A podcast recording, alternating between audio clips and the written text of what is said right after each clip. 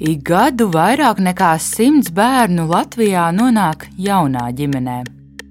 Uz ārzemēm adaptētos uzrauga līdz pilngadības sasniegšanai, taču pie mums, bāriņtiesām, viņi jāpieskata vien pirmos divus gadus. Pat viens kliedzošs gadījums tas ir signāls, ka kaut kas ir jādara. Izrādās, adoptēti bērni nereti dzīvo nevis ģimeniskā vidē, bet izglītības iestāžu internātos. Mēs skatāmies, statistikā problēma ir atrisināta, bet īstenībā nav atrisināta. Adopciju var atcelt 18 gadu vecumā, ja abas puses tam piekrīt. Taču, kā rāda pieredze, to var izdarīt arī ar viltu. Un, ja saka, pamet skolu, nemeklē darbu, kaut kur meklē, kur dzīvot. Vai atbildīgās iestādes adopcijas jomā primāri ievēro bērna vislabākās intereses, to atvērto failu pusstundā pētīšu es, Baiba Runce. Pirmā daļa - Puika krimināla stāstā. Jā, un tagad eh, par raidījumu atvērtie faili šīs dienas tematu, kas pētīts deviņus mēnešus. Stāst... Pavasarī stāstīju par kādu adoptētu desmit gadus vecu zēnu, kura mamma izteica aizdomas, ka bērns kļuvis par pedofilu tīkla upuri. Taču policija vilcinās lietu izmeklēt. Pēc mammas stāstītā puika seksuāli izmantots laikā, kad dzīvojis auģu ģimenē. Un tikai divus mēnešus atpakaļ viņš man tagad visu to atzinās, kas ar viņu tur bijis. Ka viņam ir likts, ka viņam ir likts skatīties, ka tur vīrieši ir kaut suņus izvarojuši, ka vīrieši mazs meitenītes, mazs bērns un mazus. Viņš ir pats mazs, nē, mazus. Policija sāka kriminālu procesu par noziedzīgiem nodarījumiem pret likumību un dzimumu neaizskaramību, taču aizdomās turamā statusu izmeklētāji nevienam tā arī nepiemēroja. Mēnešus pētot šo gadījumu, raidījuma atvērtie faili komandai radās arvien jauni jautājumi un nav atbildes. Tostarpā, kāpēc adoptētu zēnu grib atdot bioloģiskajai mammai un kur iestrēdzas krimināla procesa?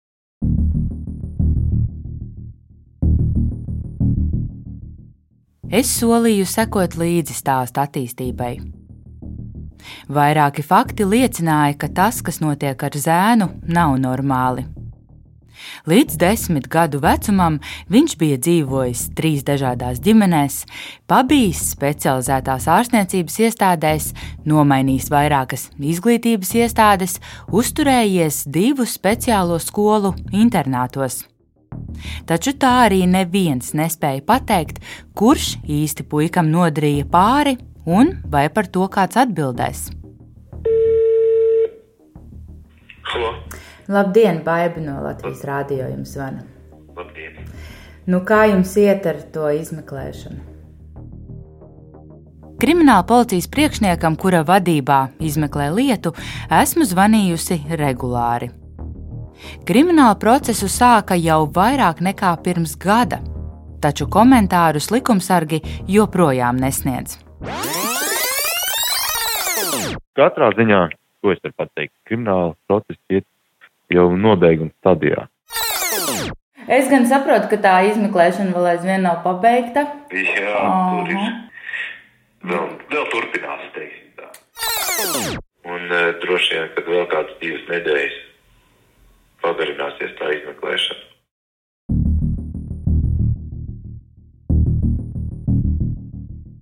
Pēdējo reizi ar iecirkņa krimināla policijas priekšnieku es sazinos īsi pirms šī raidījuma montāžas. Joprojām bez rezultātiem.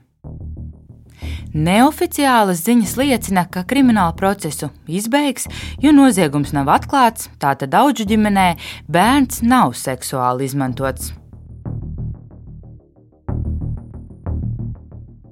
Tikmēr savus secinājumus ir izdarījušas par bērna tiesību aizsardzību atbildīgās iestādes.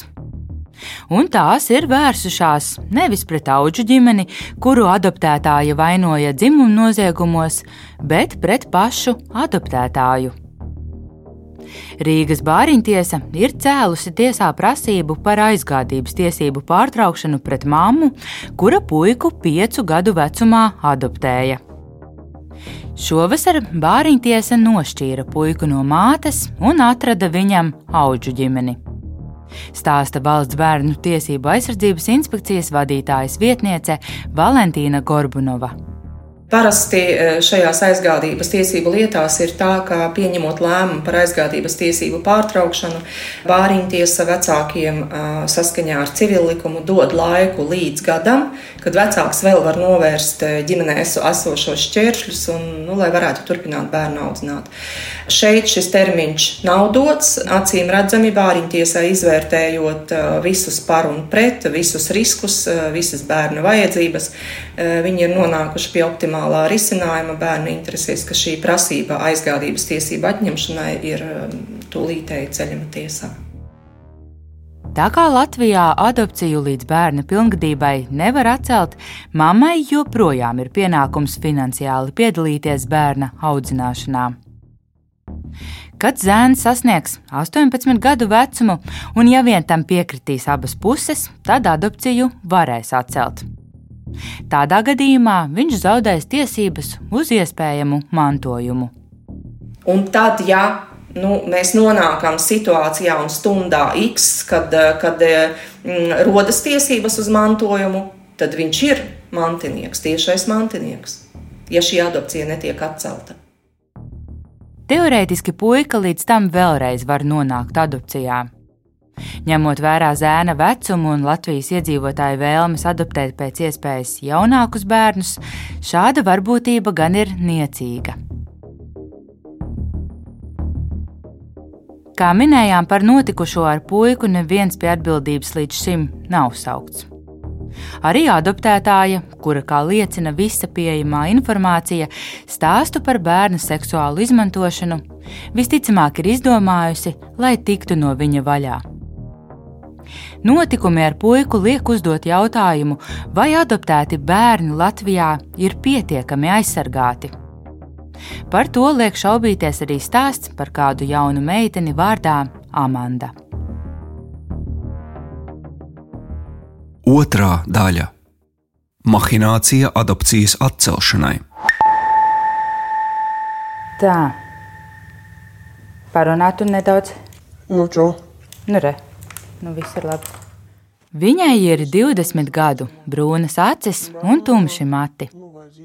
Katram tetovējumam uz jaunietes ķermeņa ir īpaša nozīme. Piemēram, uz rokas ir teikums, kas latviešu skan šādi: Viņi nāk un viņi iet. Šis tetovējums ir veltīts vecākiem, kuri meiteni adoptēja. Tas ir par viņiem, kad tu vari nodzīvot ģimenē 16 gadus Un tik un tā tu nebūsi kā īstā ģimenē. Tu nekad nezini, vai viņš tev paliks vai to nepaliks. Viņa piekrita intervijai ar norunu, ka neatklāšu viņas identitāti. Mēs vienojamies, ka raidījumā saukšu viņu par Amandu. Bet, ja es sākšu raudāt, sāks raudāt, sāks nu neko. Sākšu es arī varbūt raudāt. nu, tā gadās. Amanda bērnu namā nonāca trīs mēnešu vecumā. Pāris gadus vēlāk viņu adoptēja kāda ģimene no Rīgas, kurā jau auga divas vecākas meitas. Cik es atceros, viss bija kārtībā no sākuma. Tā. Es gāju vis kaut kādos pulciņos, un viņi bija turīgi. Viņa apmeklēja privātu bērnu dārzu un līdz trešajai klasē mācījās kādā prestižā galvaspilsētas skolā. Viss mainījās brīdī, kad vecāki uzsāka laulības šķiršanu, un Amanda nonāca internāta pamatskolā. Es dzīvoju centrā, un tā skola ir aiz Alfas. Tur ar 12. ar pirmo tramvaju. Ar visu, ko var aizbraukt. Pārspietos. Bet no sākuma es, protams, paraudāju, pārdzīvoju. Tad pēc tam bija tāds atvieglojums, ka man nav jāredz tie strīdi, savādāk visu laiku es kaut kur biju vainīgs. Amanda stāsta, ka viņa nezināja, ka ir adoptēta līdz 9 gadu vecumam. Bet diena, kad viņa par to uzzināja, bija pati briesmīgākā viņas dzīvē. Arī tas, kā viss notika, Amandai tikai palielināja ciešanas. Lai tiktu internāta skolā, ir jāiziet komisijas. Pirmā komisija man teica, pateica, esmu vesels bērns, man nevajag tur iet. Bet tad mēs gājām vēlreiz. Tad bija viens ārsts, kurš prasīja, vai es piedzimu ar problēmām. Un es sēdēju ar muguru pret manu mammu. kā. Un viņa teica viņam, ne mēs viņu adoptējām. Vēlāk jauniete internetā meklēja informāciju par adopcijas procesu un nejauši uzgāja rakstu, kurā ar savu pieredzi dalās viņas mamma. Publikācija no Labklājības ministrijas mājaslapas šobrīd ir pazudusi, taču Amandai tā ir saglabāta arī telefonā. Tā, tā esmu es. Rakstā mamma stāsta, ka adoptēts bērns ne ar ko neatšķiras no citiem. Jāmīl un jāciena ik viens ģimenes loceklis. Amanda gan tagad atminas, ka jau kopš mazotnes pret sevi izjuta citādāku attieksmi. Māsas varēja neko nedarīt. Viņas varēja balīdzes rīkot, viņas varēja to darīt, tad šito. Un tad es biju, kas jau astoņos gados jau mauku cirta un lika un krāmēja augšā tādā. Pēc 9. klases Amanda pati sev noskatīja tehnikumu pēc iespējas tālāk no mājām, kur apgūt izvēlēto pavāra profesiju. Viņa kopmītnēs labprāt pavadīja arī nedēļas nogales. Dažreiz brīvdienās devās arī pie tēva, kurš jau dzīvoja šķirti no mātes un ar kuru bija izveidojušās tuvākas attiecības, lai ar zāles pļaušanu un citiem mājas darbiem nopelnītu sev kabatas naudu. Man nebija grūti, ja. man, man bija šī emocijas sirdsapziņa, kad es atbraucu kā, mājās, bet man jāstrādā par naudu, lai es varētu nākamā nedēļa izdzīvot.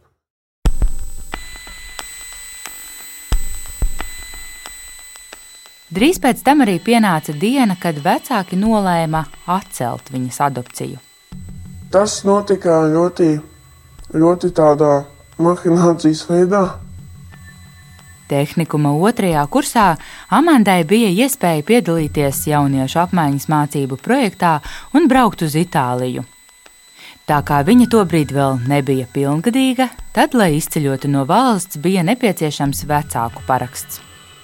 Un tad Viņa teica, labi, bet ar vienu norunu, ka tad, kad tu atgriezīsies pēc mēneša, man septembrī dzimšanas diena, pēc mēneša, tu parakstīsi do, tos dokumentus, kurus man vajag.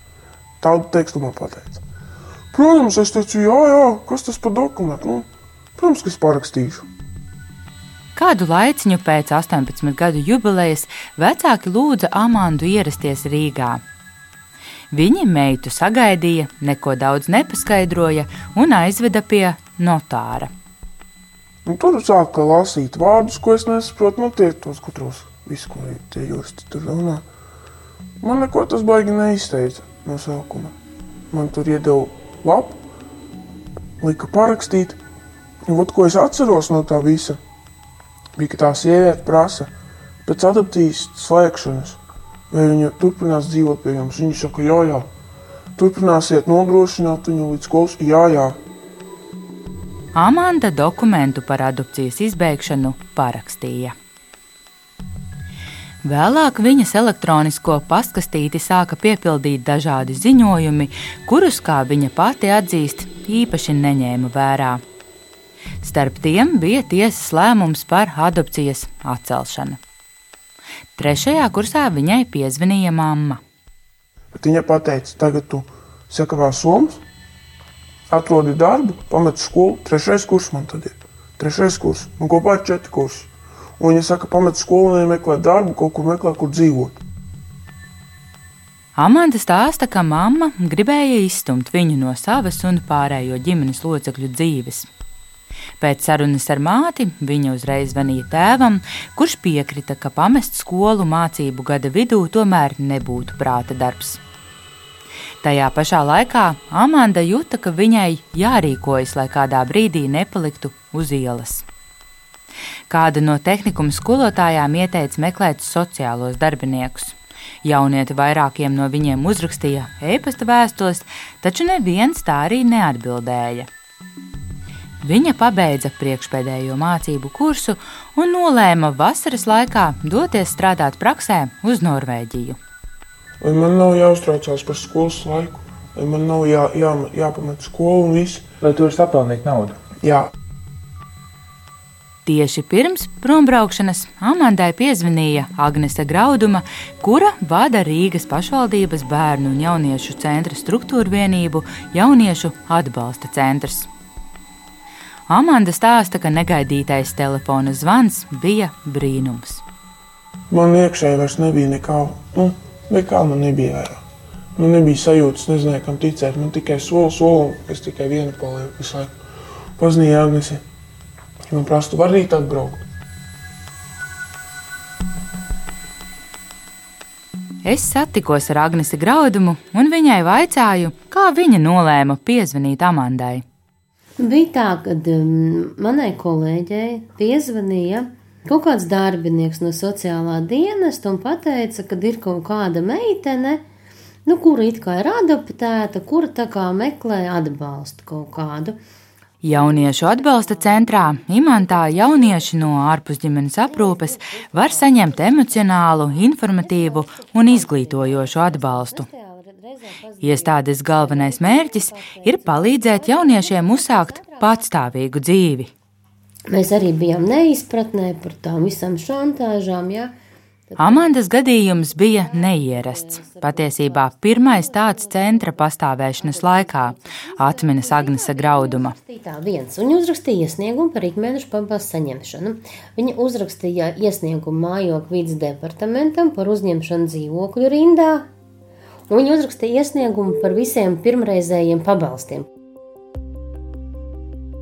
Taču šie pabalsti pienākas tikai tādiem bērniem, kuri ir bijuši ārpus ģimenes aprūpes un jau ir sasnieguši pilngadību.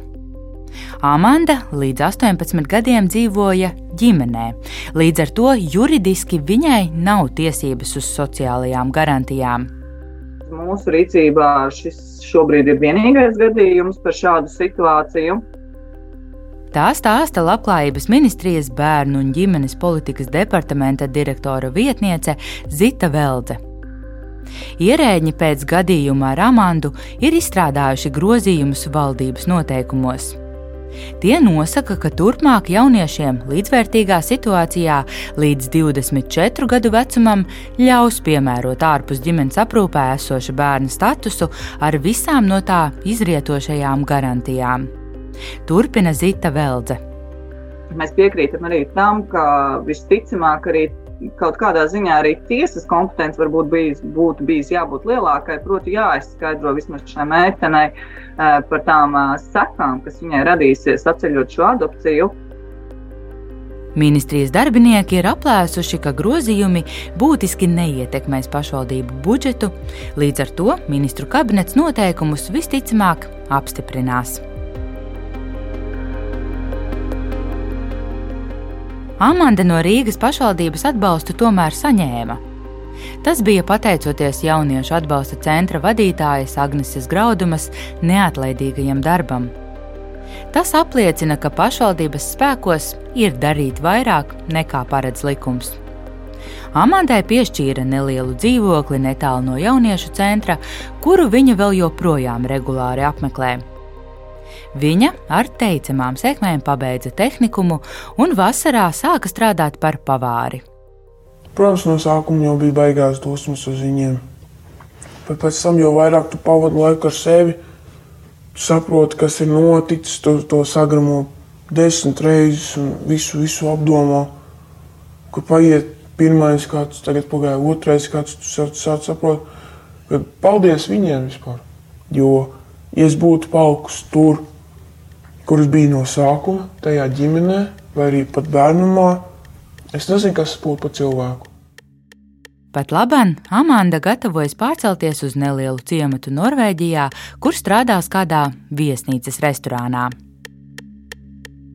Jauniete ir jau otrais adaptētais bērns šajā raidījumā, kurš mācību laikā ir dzīvojis internātā, nevis ģimenē.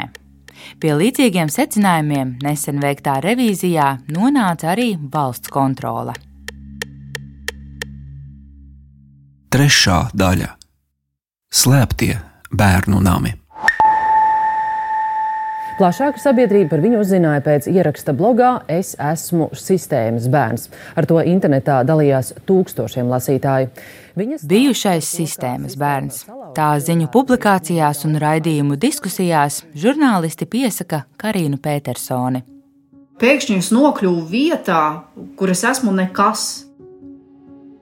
Veselības problēmu dēļ mamma vairs nespēja par viņu parūpēties, un vēl pirms nonākšanas bērnu namā Karīnu kā pirmklasnieci ievietoja internāta skolā. Tās bija viņas mājas uz trīs gadiem. Tas ir viens starp daudziem. Man tas bija baisais šoks, un tur, protams, bērni nāca no dažādām vidēm. Un tad bija arī šī ļoti agresīvā uzvedība, kas man ļoti biedēja, jo pat es nebiju tāda agresīva. Bet, ja tā salīdzina, nu, tiešām nav atšķirības starp internātu skolu un bērnam, jo arī bērnam es jūtos slikti. Lai gan Karina Petersone jau ir pieaugusi un šobrīd audzina savus bērnus, viņa joprojām nespēja pieņemt, ka pēc būtības pastāv tāda iestāde kā internāta skola. Te gan jāpiemina, ka šāds termins, internāta skola, trīs gadus vairs neeksistē. Internāta skolas kā izglītības iestādes politiķi likvidēja, lai neveicinātu bērnu dalīšanu pēc sociālā stāvokļa. Šobrīd internāta skolas ir pārveidotas par vispār izglītojošajām skolām ar dienesta viesnīcām. Tajās bērnus apmāca pēc vispārējās sociālās rehabilitācijas, kā arī speciālās izglītības programmas. Un kaut vai arī, ja brīvdienās tikai paņem mājās, nu, tā ir internāta skola. Nu, pēc būtības tā ir vieta, kur, kur tu aizved bērnu, un šīs bērns paliek bez sava tuvā pieaugušā uz nedēļu. Jo tur ir arī pirmā, otrā, trešā klasa mazie bērniņi arī. Ja? Nu, tas ir ārprāts. Nu, Mēs vēl pirmā klasē eh, vēl īsti nevaram bērnus vienus laist uz ielas. Nu, viņam nav vēl tie astoņi gadi, un mēs viņu paņemam, aizsūtām vienu, nu, reāli vienu projām. Valsts kontroles trešā revīzijas departamenta darbinieki, kas atbild par labklājības un veselības jomu, pārbaudīja desmit internātus visā Latvijā. No tiem sešas ir speciālās un četras vispārējās izglītības iestādes. Jā, es iepazīstināšu. Es esmu departamenta direktore Maija Aboliņa. Un klāt ir atbildīgā daļas vadītāja Ieva Pīpiņa un revīziju vadītāja Aiga Villa. Pirms pāris gadiem internāti bija pieejami 123 izglītības iestādēs Latvijā, tajā skaitā 43 speciālās izglītības iestādēs. Internātos kopumā dzīvoja vairāk nekā 4000 bērnu, no kuriem lielākā daļa apguva kādu no speciālās izglītības programmām. Pārbaudē secināts, ka puse no internātos reģistrētajiem bērniem ir deklarēti tajā pašā pašvaldībā, kurā mācās. Turklāt trešdaļai dzīvesvieta atrodas mazāk nekā 10 km attālumā no izglītības iestādes, stāsta Ieva Pīpiķe. Lai gan pašvaldībām visām ir šie skolas autobusi, nu viņiem ir šis tīkls, kā bērni, ja kurš cits bērns var nokļūt jau uz izglītības iestādi. Ja. Tikai trešā daļa no bērniem, kuri ir internātos, patiešām dzīvo ļoti tālu no mājām. Un vismaz vienā izglītības iestādē, Rēzeknes novada speciālajā pamatskolā, bērni internātā paliek arī nedēļas nogalēs. Turpina departamenta direktore Māja Āboliņa. Jā, ir konstatēti gadījumi, kur bērni dzīvo internetā deviņas nedēļas bez pārtraukuma. Viņi neatgriežas brīvdienās mājās. Valsts kontrolē nav datu, cik adoptētu bērnu nokļūst internātos. Bet tajos dzīvo vismaz 380 bērnu ar speciālām vajadzībām, kuri atrodas ārpus ģimenes aprūpē. Puse no viņiem nāk no aizbildņu ģimenēm, otra puse ir bērni no auģu ģimenēm un bērnu namiem. Patiesībā tieši tās auga ģimenes, tas man liekas, ir tas visvairāk riskantākais, jo no auga ģimenes tas tomēr ir profesionāls pakalpojums. Kur arī, protams, nāk uh, līdzi visi ir pabalstu sistēma, atbalsts, kas pēdējos gados nu, tiešām viņai ir, viņa ir būtiski augus salīdzinot, tas vairāk nav nekāds brīvprātīgais darbs. Un tad, kad tiešām tiek ņemti daudz šie bērni, ja, nu, tad ir jautājums, kā vispār šai ģimenei var dot šo augu bērnu. Ja? Viņai jāsniedz pakalpojums, un faktiski bērns ir internāts skolā. Šobrīd likums ļauj izglītības iestādēm sniegt arī internāta pakalpojumus, taču nepastāv vienots tiesiskais regulējums attiecībā uz to organizatorisko struktūru, pakalpojumu saturu, dienas kārtību un personāla pienākumiem. Tas ir būtiskākais valsts kontrolas revīzijas secinājums. Bērnus ielaiž tikai astoņos vakarā uz gulētiešanu. Ko viņš dara pa dienu, vai nu pulciņu, vai klaiņo apkārt. Uh, vienā, jā, vienā telpā 17 bērni, turklāt starp viņiem ar, ar garīgu raksturu traucējumiem, bez dzimumu nošķirtības. 17 bērni vienā telpā guļ. Tā tiešām ir. Jā, jā tur ir fotogrāfijas. Ja runā par privātumu un sadzīves apstākļiem, tad revidenti būtiskus riskus nesaskatīja tikai vienā no iestādēm. Šobrīd noteikumos ir atrunātas viena higiēnas prasības, taču vairumā gadījumu arī tās internātos bērniem nenodrošina. Pieņemsim, pirkstē ir 11 rindā vienkārši dušas ar aizkariņiem. Tā viņiem saucās pirts. Tolet neapkurināma. Mēs esam ļoti daudzos bērnu namos bijuši, tas bija vienkārši nesalīdzināms. Tad labāk, ka tu esi vienkārši šokā. Dzīvo, liekas, ka tā tu dzīvo mūsdienās. Jā. Mums jau ir tomēr izveidojusies izpratne, ja, par, tad tu ej atgriezies nu, jā, kaut kur internātiem. Ā, ne, no tā kā Džēnā ērā. Angļu rakstniece Šarlote Brontē romānā Džeina Eira stāsta par bārenes gaitām patversmē 18. gadsimtā. Bet kā mūsdienu Latvijā novērst situāciju, kā ar internātiem risina ģimeņu sociālās problēmas? Valsts kontrole rosina ierobežot to darbu tik tālu, lai internātos varētu ievietot tikai tos bērnus, kuriem tā ir vienīgā iespēja tikt pie izglītības. Tas gan ar stingru norunu, ka internāta pakalpojums atbilst bērnu interesēm un vajadzībām. Tādēļ valsts kontrole mudina izstrādāt jaunu normatīvo regulējumu šādām skolām. Māja Aboliņa paredz, ka tas nebūs viegli. Nu, Tāpēc, ka tās gribas nav mums pašiem sabiedrībā izpratne vēl nav tā, tik tālu attīstījusies, ka tas ir nepieņemami. Un tās ir darba vietas. Jā. Mm. jā.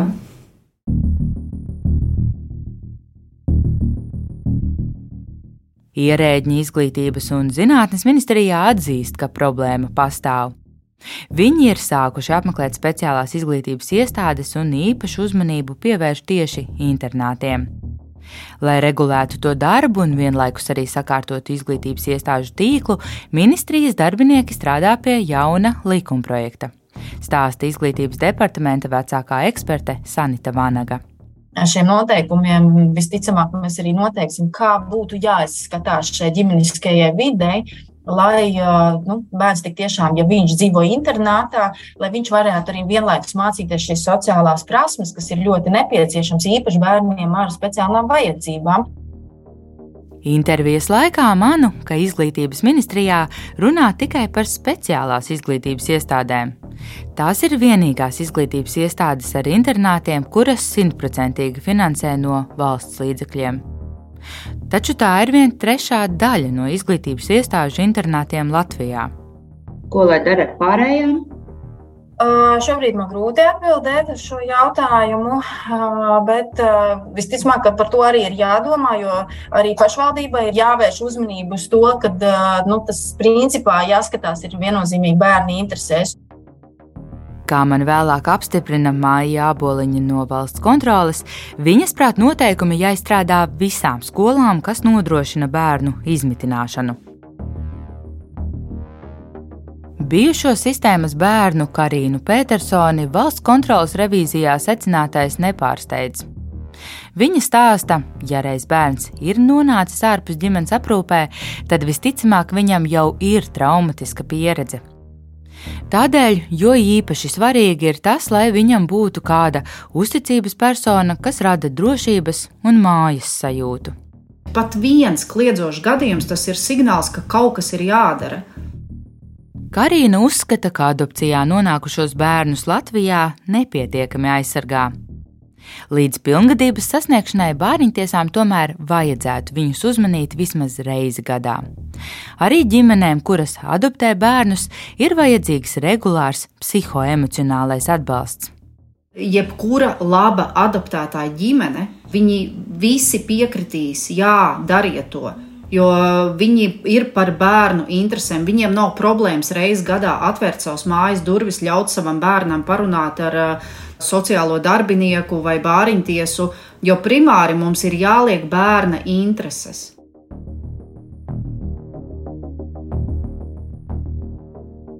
Raidījumu veidoja Bāja Brunce, Ģederts Dzelzis un Rēnis Budze.